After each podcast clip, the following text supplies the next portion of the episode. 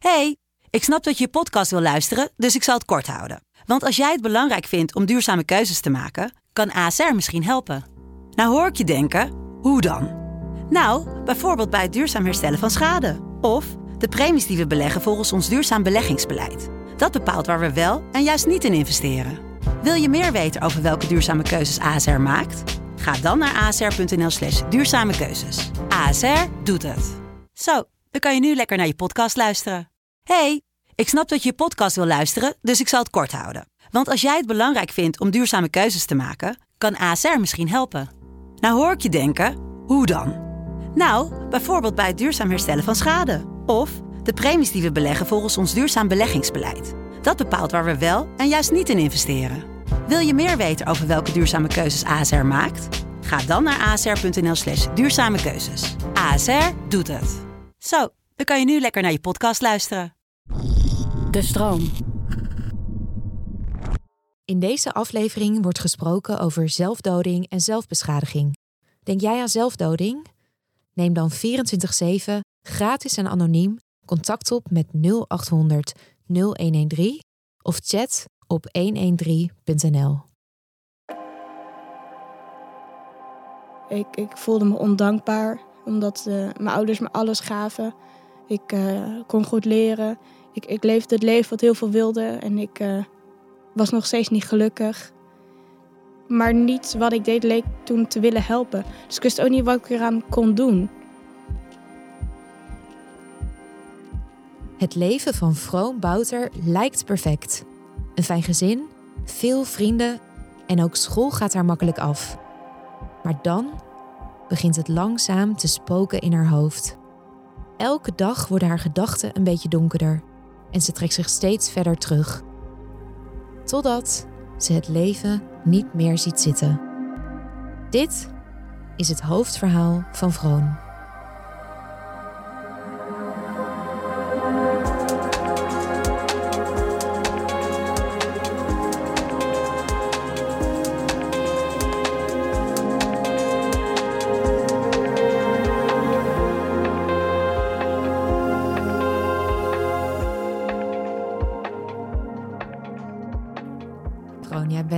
Zo moedig om vandaag jouw hoofdverhaal eh, hier te vertellen. Ehm, want ja, jouw leven tijdens jouw puberteit was ogenschijnlijk perfect. Maar toch zaten er een aantal dingen niet helemaal goed. Je was eigenlijk best wel ongelukkig. En wat waren nou signalen voor jou dat je wist, het spookt in mijn hoofd? Ehm, ja, dat is wel lastig om één punt te benoemen. Het, eh, het begon gewoon dat ik eh, ja, vermoeid was. Ik eh, sliep slecht. Ehm, ik ging steeds minder naar school. Ging steeds minder eh, leuke dingen doen met vrienden. waarop je ja, achteraf kan bedenken: hey, dit is een symptoom voor een depressie. Minder levenslust. je onderneemt minder. Ehm, maar ik, ik trok me steeds verder terug uit het leven wat ik leefde. Ik ja, leefde eigenlijk voornamelijk op mijn bed. Overdag was ik eh, te moe om dingen te ondernemen en vrag, eh, s'nachts ehm, leek ik zelfs te moe om te kunnen slapen. En eh, ik maalde veel in mijn hoofd over alles wat ik gedaan had of, of juist niet. Ehm, Hoe oud was je toen? ja, het begon een beetje 13, 14. Eh, ja, ik kreeg ook heel veel huilbuien. Dat ik begon met huilen en, en niet meer kon stoppen. Waar ging dat dan over? Ja, echt eh, over niks eigenlijk. In het begin wist ik eh, echt niet wat er met me aan de hand was. Het eh, overviel me. Ehm, en op de duur ben ik er wel mee naar mijn vader gegaan. En dan dwong iemand dan s'avonds te wandelen. En dan- dan wilde het wel eens stoppen. Maar ehm, nee, ik... Je herkende jezelf ook niet. Nee, nee, mijn ouders niet en ik zelf ook niet. Het was heel lastig, maar ik wist op dat moment nog niet dat ik ongelukkig was. Of waar het aan lag of waar ik dan mee zat. Was je daar wel mee bezig in je hoofd met te proberen uit te vinden wat er met je aan de hand was? Ehm, ja en nee. Meer de vermoeidheid. Die leek op dat moment eh, groter dan mijn momenten van eh, ongelukkigheid. Daarvoor eh, ging ik veel naar het ziekenhuis voor onderzoeken, maar ze konden nooit een fysieke oorzaak vinden. Daarvoor ben ik ook uiteindelijk eh, opgenomen voor mijn vermoeidheid. Ehm, en daar kreeg ik de hulp die ik nodig had. Daar eh, werd langzaam mijn conditie opgebouwd en uh, kon ik praten met de psycholoog met wie ik een klik had. En toen pas realiseerde ik me dat het in mijn hoofd zat. Dat het niet mijn lichaam was die, die het mij steeds aandeed, maar dat ik last had van negatieve gedachten en dingen moeilijk kon verwerken. Hoe realiseerde je dat? Um, omdat mijn huilbuien daar nog groter waren en heftiger. Ik had daar uh, de enige ruimte die afgesloten kon worden, de badkamer. Daar had ik heel veel huilbuien. En dan sloot ik de badkamer af en dan lag ik daar uren op de grond. En dit was de plek waar je op dat moment was opgenomen, opgenomen ja. voor je vermoeidheid. Ja, voor mijn vermoeidheid. En toen wist je eigenlijk nog helemaal niet dat je depressief was. Nee, en dat, dat, uh, ja, dat... leek toen meer boven water te komen. en daar ben ik ook na mijn opname mee aan de slag gegaan. Ook al was dat niet helemaal goed gegaan. Want tussen mijn op, van na mijn opname uh, was er geen mentale hulp. Ik had me toen ingeschreven um, bij een GGZ-instelling. Maar ja, er staan er wachtrijen. ja, de hele mikmak. Ja, ja, dus je moest heel lang wachten in de ja. tussentijd. Ging het steeds slechter en slechter. Kun je eens uitleggen, of kun je ons misschien meenemen in een hele slechte dag voor jou? Hoe, want hoe oud was je toen? Mm, ja, veertien denk ik. Toen begon het wel echt heftig te worden. Ja, en als je op zo'n slechte dag dan opstond? Nou, dan stond ik niet op. Nee, bijvoorbeeld tanden poetsen, dat kostte echt te veel energie. Dat leek mij ook uh, compleet overbodig. Ik ging niemand zien of spreken. Waarom zou ik mijn tanden poetsen? Waarom zou ik iets eten? Ik heb geen trek. Ik uh, bevond me voornamelijk uh, in bed. Ik vond het heel lastig om sociale contacten te hebben. Um, bijvoorbeeld WhatsApp, als ik dan iemand een berichtje stuurde, kon je natuurlijk zien of iemand het gelezen had. En had diegene dan niet op mij gereageerd, dan maakte ik me van alles gek. Dat, dat, we, dat er iets was gebeurd of dat ik iets verkeerds had gezegd. En dus op een gegeven moment uh, heb ik ook WhatsApp ervan afgehaald. Ik isoleerde me helemaal. Mm -hmm. En ik uh, ja, was alleen maar heel verdrietig, huilen. En gedachten in mijn hoofd die niet meer weggingen. Het was een vicieuze cirkel. Want ik schaamde me er ook heel erg voor. Voor die gedachten? Ja. En voor wat voor gedachten schaamde je dan voornamelijk? Mm, nou, de dingen die ik dacht dat ik niet mocht denken qua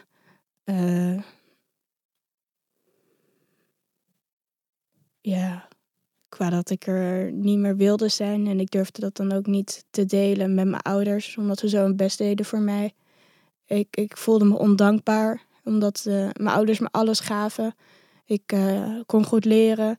Ik, ik leefde het leven wat heel veel wilde en ik was nog steeds niet gelukkig. Uh, Nam je dat jezelf kwalijk? Ja, heel erg. Maar niet wat ik deed leek toen te willen helpen. Dus ik wist ook niet wat ik eraan kon doen. Want ik uh, wilde niet mijn ouders ermee belasten. En ik wist ook, toen de tijd uh, praatte ik met de psycholoog. Uh, ja, mocht ik aangeven dat ik kampte met suicidale gedachten, dat ik opgenomen of iets in die richting zou, zou worden. En dat wilde ik ook niet. Dus elke keer bij de vraag, als ik dan met mijn psycholoog praatte, kamp je met die gedachten, zei ik nee. En uh, mocht het wel zo zijn, dan zou ik ook nee zeggen. Um, ja, totdat... Uh... Terwijl je je anders voelde van binnen. Ja, en andere gedachten had. Maar ja. daar, daar was je dus alleen in. En het lijkt me ook heel eenzaam om daar alleen mee te moeten worstelen. Ja, dat, ja, dat was het ook. Nergens om me heen zag ik mensen uh, die hetzelfde voelden of ervaarden. Er werd uh, op social media niet over gepraat, niet in mijn klas. Uh, en mijn ouders wisten ook niet de ernst van mijn problemen. Ja, dus ik, ik was er wel alleen in. En hoe ging het toen verder? Uh, ja, het ging steeds slechter en slechter. En uh, tot een dag. ehm, Waaraan merkte je dat het steeds slechter ging? het leek echt alsof ik uh, door een grijze bril naar de wereld keek. Niks kon me meer opvrolijken. Ik at niet meer.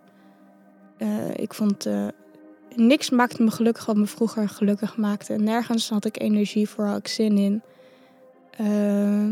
en ik, ik zag het nut er ook niet van. Het nut waar niet van? Mijn dag, mijn week, mijn maand. Ik, ik begreep niet waarom ik überhaupt uh, bezig was met naar school gaan of nee. gezond eten of bewegen. Alles wat jou ja, uiteindelijk een toekomst zou bieden. Ja, uh, geen enkel perspectief zag je meer. Nee. Het ging steeds slechter en slechter. En die gedachten, hè, dat je niet meer wilde, werden die ook erger. Ja, steeds groter. Steeds. Uh, in het begin was het meer een, een een toevluchtsoord in mijn gedachten als het slecht ging. Als een soort van, hé, hey, er is nog een plek waar je heen kan, uh, mocht het heel slecht gaan. Maar meer als een soort fantasie, als iets wat me hoop bood op dat soort momenten. Maar hoe verder het ging, hoe meer het idee realistischer werd. Hoe minder uh, het een, een idee werd, maar meer een plan. Ja, dus in plaats van een abstracte uitweg werd het steeds concre een concreter plan. Ja, want hoe lang je met bepaalde gedachten zit, hoe minder eng ze ook zijn en hoe meer ja, je het vorm gaat geven. Kon je er nog steeds met niemand over praten? Mm. Nee. Ik uh, heb wel een aantal pogingen gewaagd. Maar mensen leken me niet te willen horen. Op school was er geen uh, ruimte voor om erover te praten. Um, en met mijn ouders, dat was echt mijn uh, grootste nachtmerrie om dat soort ideeën, mijn gedachten met hen te delen. Dat mm zou hen zoveel pijn doen en daardoor ook mij. Ik vond dat een heel naar idee. Ja. Dus zelfs ook al zat je zo ontzettend in de knoei en was je zo wanhopig, wilde je je ouders geen pijn doen en ze niet tot last zijn. Ja. Dat vond je eigenlijk nog erger dan je eigen pijn. Ja, ja, absoluut. Ja. En je zei ook dat je ergens ook wel, nou dit maak ik er zelf van, maar subtiel signalen had gegeven. Ja. Hoe, hoe had je dat gedaan en hoe is dat dan, hoe is dat gemist? Um, dat je zo aan het worstelen was? Mm, nou ja, dit is wel uh, misschien wat uh, heftiger, maar uh, ik begon langzaam mijn. ik begon langzaam met mezelf pijnigen. En ik, ik hield dat geheim, want ik schaamde ervoor en het was voor mezelf. En op een gegeven moment dacht ik dat ik een band had met een docent. Uh, mijn filosofiedocent, ik dacht, die denkt na over het leven en hij kan mij wat bijbrengen. En ik dacht dat dat uh, iets was waar ik misschien met hem of bij hem terecht kon. Dus ik had uh, toen der tijd kleine krassen in de binnenkant van mijn pols. En ik wist dat die nog vrij aanwezig waren. En ik zat voorin in de klas. En hij stelde een vraag en ik stak mijn hand omhoog op de manier dat hij uh, dat zag. En hij uh, keek ernaar, keek in mijn ogen, keek weer naar mijn pols. En gaf iemand anders de beurt. En hij is er nooit tot teruggekomen. Wat betekende dat moment voor jou? Ja, ik vond dat echt heel pijnlijk. Ik, ik snap dat hij dacht, ik ben niet de persoon voor jou. Maar had het op zijn minst bij iemand anders aangekaart. Of was naar me toe gegaan van, hé, hey, ik... Uh, ik weet niet zo goed wat ik hiermee moet. Um, we kunnen samen naar de conrector of een hulpverlener. En ja, dat vond ik wel heel heftig. Dat was dan jouw poging ja. om aandacht te vragen voor wat er binnen jou afspeelde. Ja, ja, ik, ik vond het heel lastig. Ja, op welke manier moest het dan? Ja. En ik, ik wilde dan ook ja, eigenlijk stiekem dan niet om hulp vragen, ook weer wel. Want je schaamt je er heel erg voor. En uh, ja, het is niet een onderwerp waar mensen graag over praten. Dus het is een gevecht in jouw hoofd hoe, hoe je ermee om moet gaan. Er was al een heel traject aan vooraf gegaan Ja. waarin je al je moed had verzameld. Ja. En dat kwam dan samen in dat moment. En dan was dit het resultaat. Ja, En het raakt je weer, hè, als je daarover ja, ja, absoluut. Ik, ik begrijp het nog steeds niet. eh, zijn beweegreden, zijn eh, overweging hiervoor. Al had hij maar even naar je gekeken en je na de les even gevraagd hoe het Ja. met je ging. Ja, Ehm, het ging steeds slechter met je. Wat was, het, wat was de dag waarop het het allerslechtst ging? eh, ja, de dag dat ik bijna overleed. Ik, eh, ja, er waren heel veel dingen op dat moment die samenkwamen. Eh, mensen die me teleurgesteld hadden. Mijn vrienden. Mijn oma was net overleden.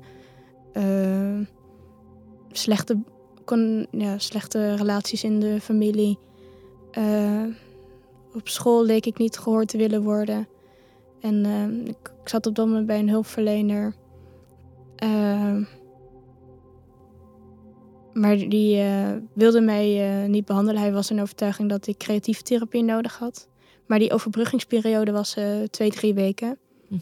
Overbruggingsperiode tussen wat? Tussen zijn behandeling en die creatieve therapie. En hij zei dat hij een oogje in het zeil zou houden, maar niet meer mij behandelen. Toen dacht ik echt, ja, ik, ik weet niet waar ik dan moet zijn. Misschien niet hier. En toen ben ik naar huis gegaan en is dat eh, redelijk eh, slecht eh, afgelopen. Of nou ja, goed, want ik zit er nog steeds. Maar het scheelde niet veel. Nee.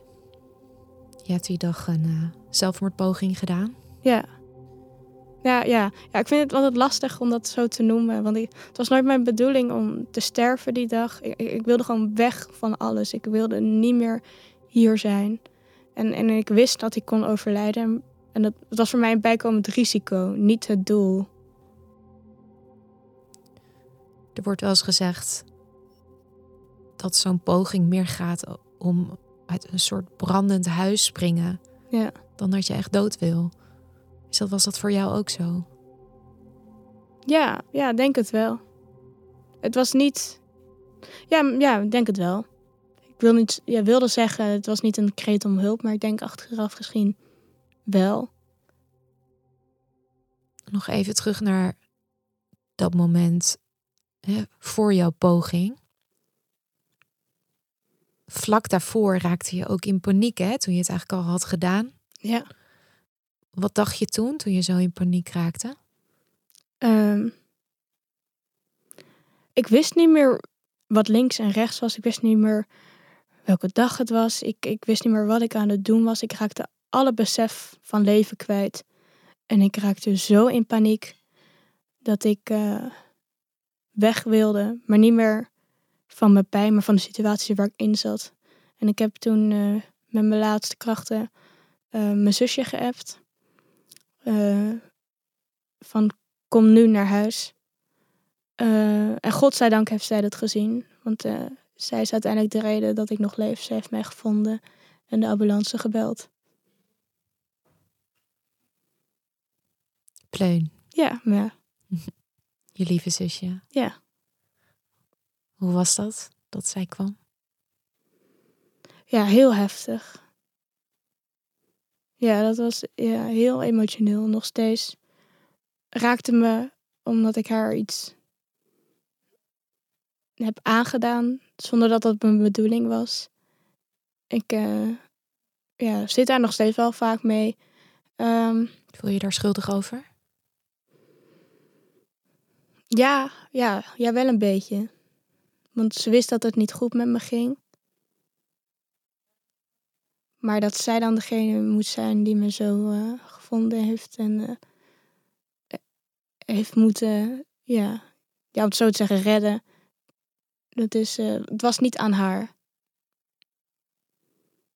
Maar gelukkig is ze heel sterk en heeft ze bij mijn weten er nooit last van gehad of nachtmerries. Ja, dus ik, ik ben haar dankbaar en ik denk ook dat ze, zij eh, nog steeds heel blij is met hoe het eh, gelopen is uiteindelijk. Op een gegeven moment eh, moest je naar het ziekenhuis. Ja. En lag je daar. Ja. Een pleun was bij jou. Ja. En je ouders. Mijn vader, die? die, die kwam al vrij snel. En mijn moeder, die was ja, ergens op de snelweg. Volgens mij was ze op weg naar Zeeland. We wonen in Haarlem. Ze is halverwege teruggekomen. En eh, ja, ik weet niet hoeveel verkeersboetes ze heeft gepakt. Maar ja, zo snel mogelijk. En eh, ja, die zaten toen eh, bij me. En dit incident gebeurde rond een uur of één middags. Volgens mij was ik om negen of om tien uur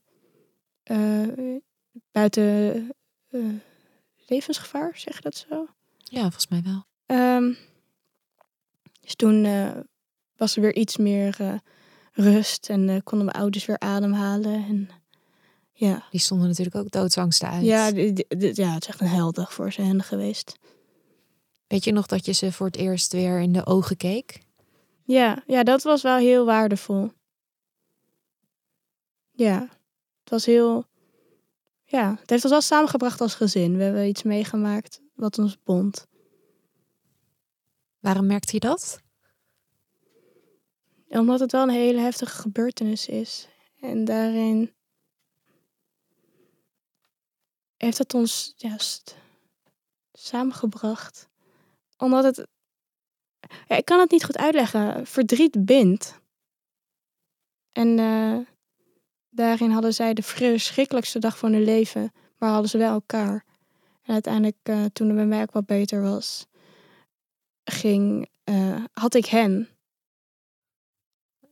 En zo blijkt dus dat ook dit soort emoties er gewoon mogen zijn en dat je die kan delen. En dat Ja. dat fijn is. Hoe naar natuurlijk alles was wat eraan vooraf ging. Ja. En dat was natuurlijk vreselijk. Ja. Ehm, dat was de dag hè, van jouw poging. We hebben samen afgesproken dat we er niet heel diep op ingaan hoe dat precies is gebeurd. Ja. Ehm, daarna volgde een periode van eh, ups en downs. En in die tijd had je ook eh, therapiegesprekken. En besloten jullie dat het op een gegeven moment beter was dat je aan de antidepressiva ging. Kun je daar wat over vertellen? Dat is wel weer, eh, op dat moment denk ik wel weer een jaar later. En ik had op een gegeven moment eh, hulp gevonden bij iemand eh, met wie ik wel een hele goede klik had. En eh, dat voelde zo fijn en bevrijdend. eh, dat ik steeds me meer open durfde te stellen. En op een gegeven moment hadden we het gesprek over eh, eventuele medicatie. En eh, begin eh, duwde ik dat, dat een beetje eh, van me af. En ik, ik vond het heel naar idee dat iets van buitenaf mij zou moeten helpen. Dat het niet lukt om, om het zelf te doen. Ehm, maar op een gegeven moment eh, realiseerde ik me ook wel eh, dat het zo niet langer kon. Eh, en zijn we daar mee begonnen.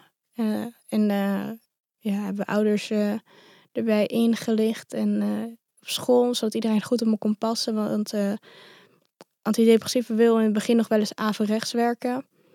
Eh, en eigenlijk eh, sindsdien gaat het wel een, een stukje beter. Heb ik iets meer ehm houvast en zijn er minder schommelingen in mijn mentale gesteldheid. Eh, ja, ik, achteraf gezien ben ik wel blij met de keuze die ik genomen heb. Maar het blijft een, een grote stap. En ik begrijp Ja. nog steeds waarom ik het heel lang niet wilde. Omdat iets vanaf buitenaf, buiten mijn lichaam, het voor mij moest doen. En ik het niet zelf dus kon. Ik was dan te zwak daarvoor. Of ik gaf op. Zo, voelde dat. het, ja.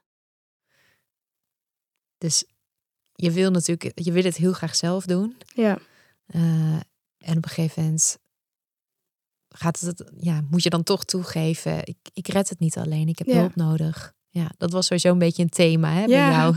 Ja. Niet alleen eh, met die antidepressiva. Ja. Eh, maar het stabiliseert je dus wel. achteraf gezien ben ik er wel blij mee dat er dus meerdere oplossen, of, eh, opties zijn om je wat beter te voelen. En wat, ja, dus dit heeft jou enigszins licht gebracht Ja. in die donkerte. Ehm, vanaf welk moment merkte je dat het wat beter met je ging? Dat er weer wat meer licht naar binnen scheen? Mm. Het is echt een vraag waar ik nog nooit bij stil heb gestaan. Want vaak blik ik terug op het negatieve, maar nooit vanaf wanneer het wat positiever werd. Ik denk toen ik steeds meer mijn wens van vroeger eh, weer terugkwam. Ik, eh, van, eh, sinds vroeger, sinds kleins af aan, wil ik arts worden. En dat gaf me altijd heel veel, ja, gewoon een soort power van, ik wil dan zo'n powervrouw worden, van die mooie naaldhakken door het ziekenhuis met een lapjas. Het leek me geweldig. En ja, tijdens mijn wat donkere periodes ehm, voelde ik dat helemaal niet meer. En, en die wens kwam steeds meer terug. En ik had me aangemeld en ik eh, was helaas niet binnengekomen. Dus toen eh, was dat weer echt een domper. Maar ik had nog wel die wens. En ik vond het heel prettig dat die wens bleef. Ja, Het, het- het- mijn eh, weg ernaartoe was nog niet helemaal duidelijk. Maar mijn doel was er wel. En, je dacht weer over de toekomst na. Ja. En ik wist wat ik wilde Ja, daarmee. Je zag jezelf daarin staan. Op je naaldhakken. Ja. Ja, dus ik, ik denk toen mijn wens daar, om arts te worden terugkwam, eh, ja, dat ik dat wel durf te noemen als punt dat ik denk dat het eh, een stuk beter eh, gaat. En wat heeft jou daarbij geholpen? Om het, ook om het vol te houden in die, in die donkere periode. Mm, dat verschilde wel heel erg peri- per periode. In het begin had ik heel erg eh, schrijven hielp me. Helemaal als het eh, donker was en laat, vaak in de nacht. Eh, dan kon ik niet met mijn vader wandelen of iets op iets afreageren. En Dan heb je schreef ik het, afleiding Nee. schreef ik het van me af. En omdat ik dan moest nadenken over de zinsopbouw en woordgebruik en hoe ik me nou voelde, eh, ja, leidde dat me af van hoe ik me op dat moment me voelde. En dan las ik mijn stukje terug, kon ik daar afstand van doen. Eh, en, en voelde dat heel prettig, omdat dat was hoe ik mij voelde. Ondanks dat het natuurlijk door mezelf geschreven was, eh, herkende ik me daarin. Zie je doet een stapje achteruit. Ja, En je identificeert je misschien net wat minder met al die gevoelens ja. dan wanneer je ze niet opschrijft. Ja. Ja, dus dat is absoluut iets wel wat eh, geholpen heeft. Waren er nog andere dingen die jou hebben geholpen als je zo terugkijkt?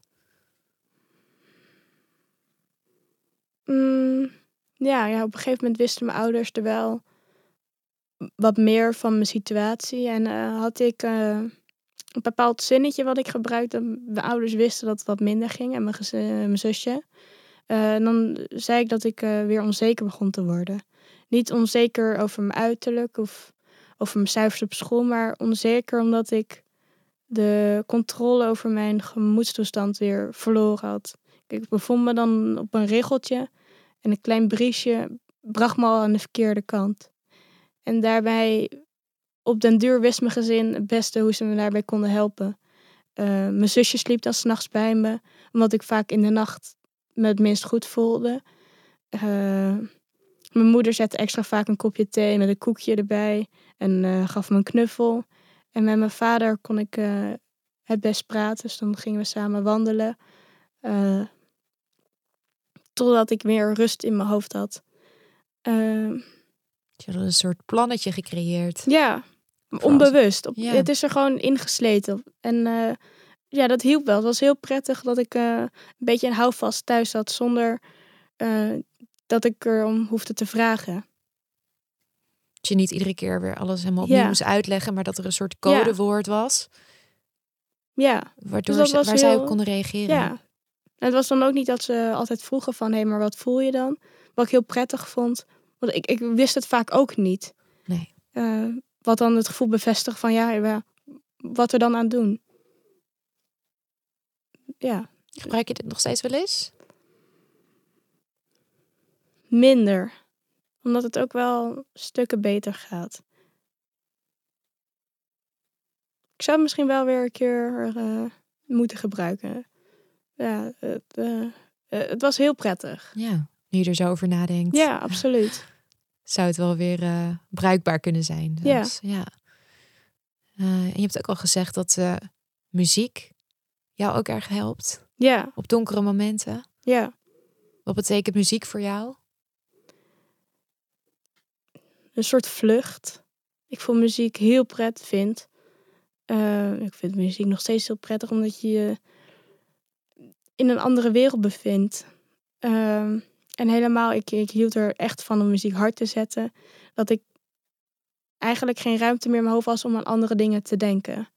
Ehm, het, het nam me mee ehm, en, en bracht daarin rust in mijn hoofd. Ja, en dat, Je wordt een beetje de muziek. ja, ja dat, dat bracht me wel heel veel. Helemaal als het dan de tekst ging over dingen waar je je in kon herkennen. Eh, Dus het kan je er even helemaal uithalen. ja, Maar het kan je ook een soort begrip geven van hé, hey, ik ben niet Ja. alleen. ja. Maar dat moest wel altijd hard. Dat eh, was wel altijd een eh Oké, snoeihard. Ja, Goed voor je hard. oren. Ja, nee, absoluut niet. maar eh, daardoor kon ik niet meer denken. Mm. En dat was dan wel de factor. Dat verdooft het Ja. even. Speelt muziek nog steeds een belangrijke rol in je leven? stuk minder. Ondertussen luister ik meer muziek om er gewoon energie van te krijgen, om er blij van te worden. Eh, ja, niet meer op de manier zoals het deed. Nee, heel grappig hoe dat kan veranderen in een redelijk korte periode. Ja. Welke personen hebben jou er het meest doorheen gesleept?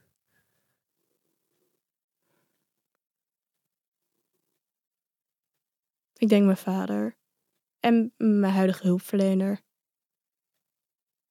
Mijn vader die eh, echt, die zou alles voor me doen. En eh, nooit was iets gek of abnormaal. Eh, op een gegeven moment eh, zijn we samen gaan fietsen.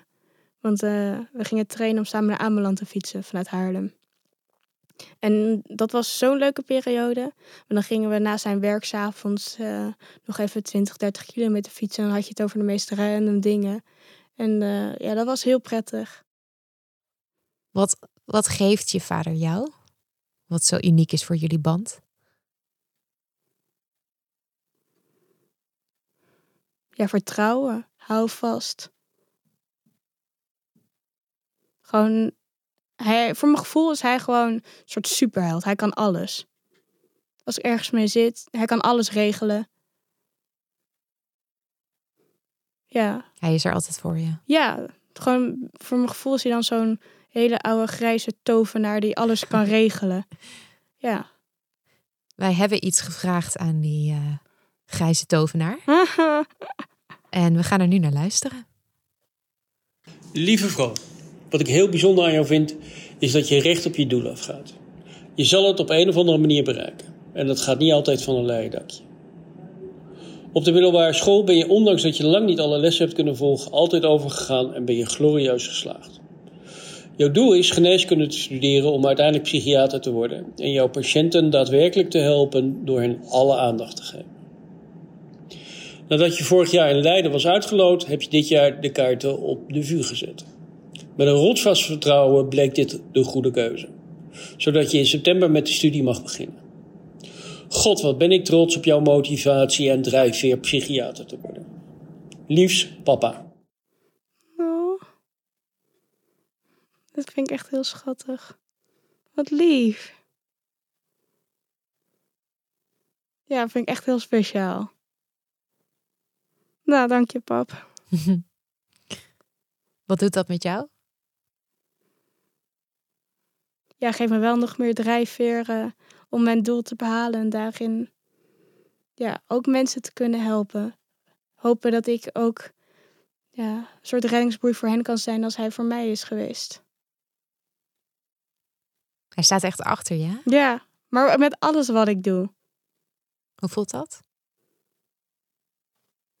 Ja, ja heel fijn. Ik, ik hoop eigenlijk ja, dat iedereen zo iemand in zijn leven heeft.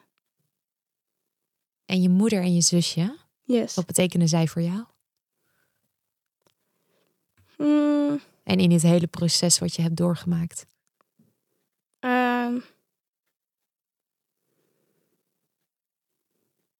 Mijn gezin, gewoon mijn thuis. Vaak eh, mijn moeder stewardess. En op de dagen dat ze thuis was, stond ze buiten ons eh, op te wachten vanuit school. En er stond er thee klaar. En mijn moeder is niet iemand die heel veel praat over de gevoelens. En ik vond het eigenlijk in mijn periode dat het slecht met me ging ook juist heel lastig. Dat ik daar niet bij haar terecht kon. Ehm, maar ze maakte Hoe wel je van. dat? Mm. Het lukte haar gewoon niet om die diepgang op te zoeken bij haarzelf. Eh, en, en ik vond dat heel lastig. Want ik dacht, als je een dochter hebt voor wie je alles over hebt, dan, dan doe je dit toch ook.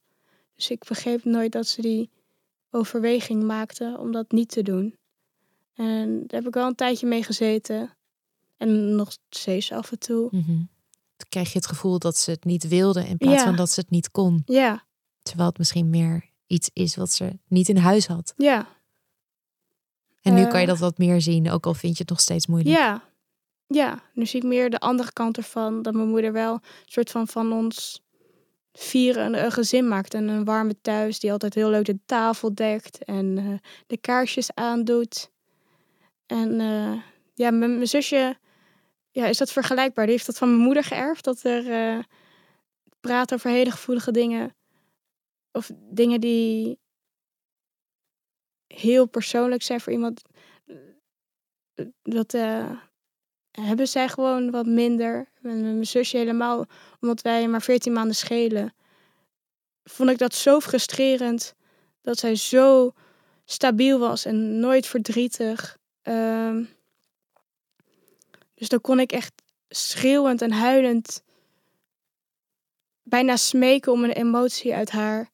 En die kwam dan niet. En ik, ik vond dat heel pijnlijk, bijna alsof ik schreeuwde tegen een muur. Terwijl zij gewoon anders gebouwd zijn daarin.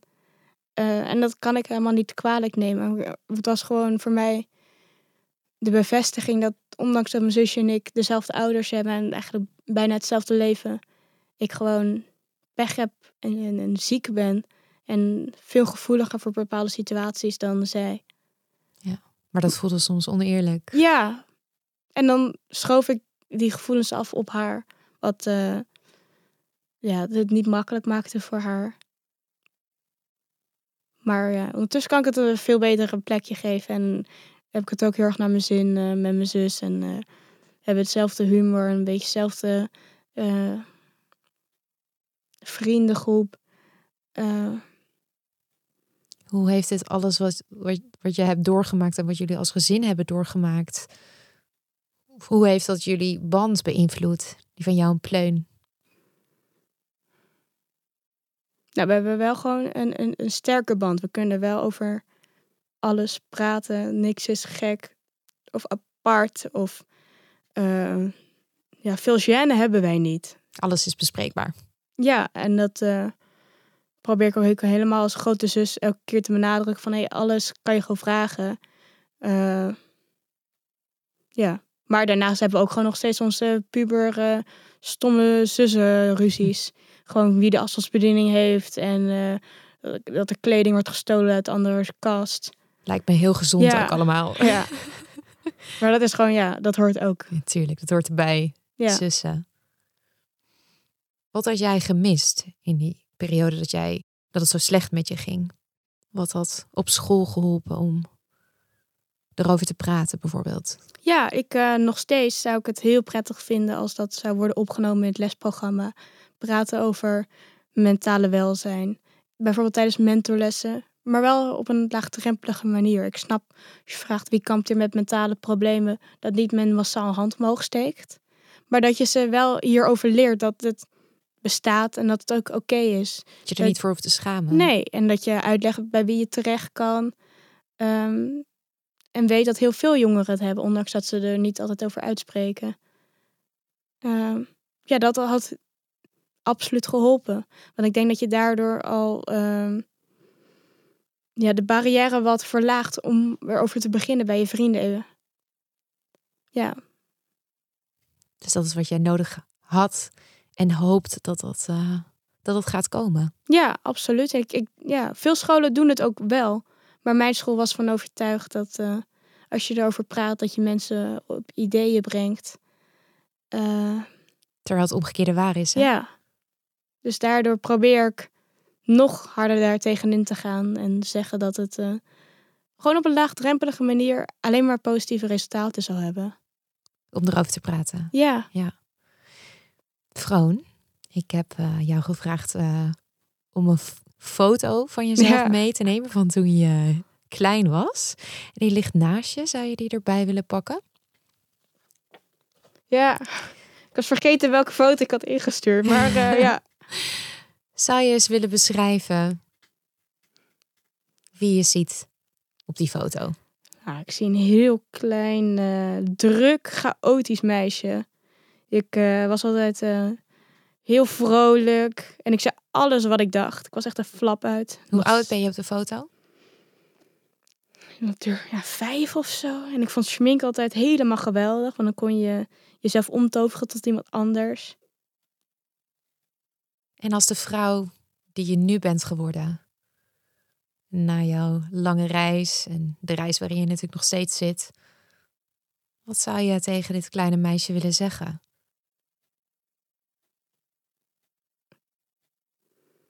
Hmm. Dat er ook goede mensen zijn. Dat je soms alleen. eh, ja, het wat langer duurt voordat je ze tegenkomt. En dat je altijd bij papa mama terecht kan. Ondanks dat eh, het misschien voelt, eh, niet zo voelt of je ze niet daarmee wil belasten. Is er tot slot nog iets wat je zou willen zeggen tegen iemand die nu luistert en met hetzelfde worstelt als waar jij mee hebt geworsteld?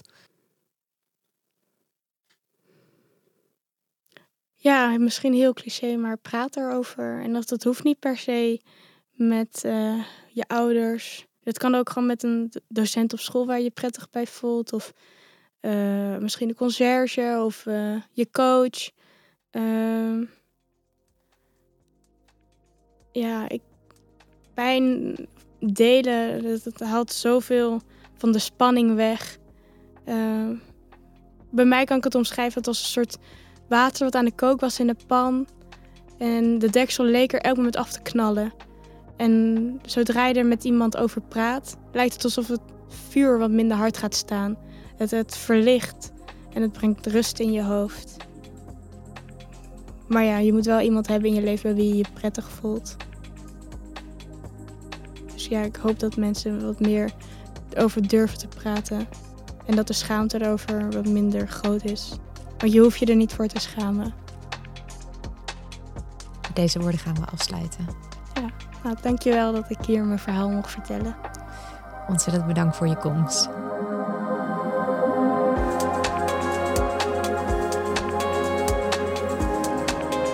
In Nederland hebben jaarlijks naar schatting zo'n half miljoen mensen suïcidale gedachten. Meer dan 99% van hen weet zich uiteindelijk te redden met hulp van een omgeving of een professional. Hulp zoeken werkt dus echt. Denk jij aan zelfdoding? Neem dan 24/7 gratis en anoniem contact op met 0800 0113 of chat op 113.nl.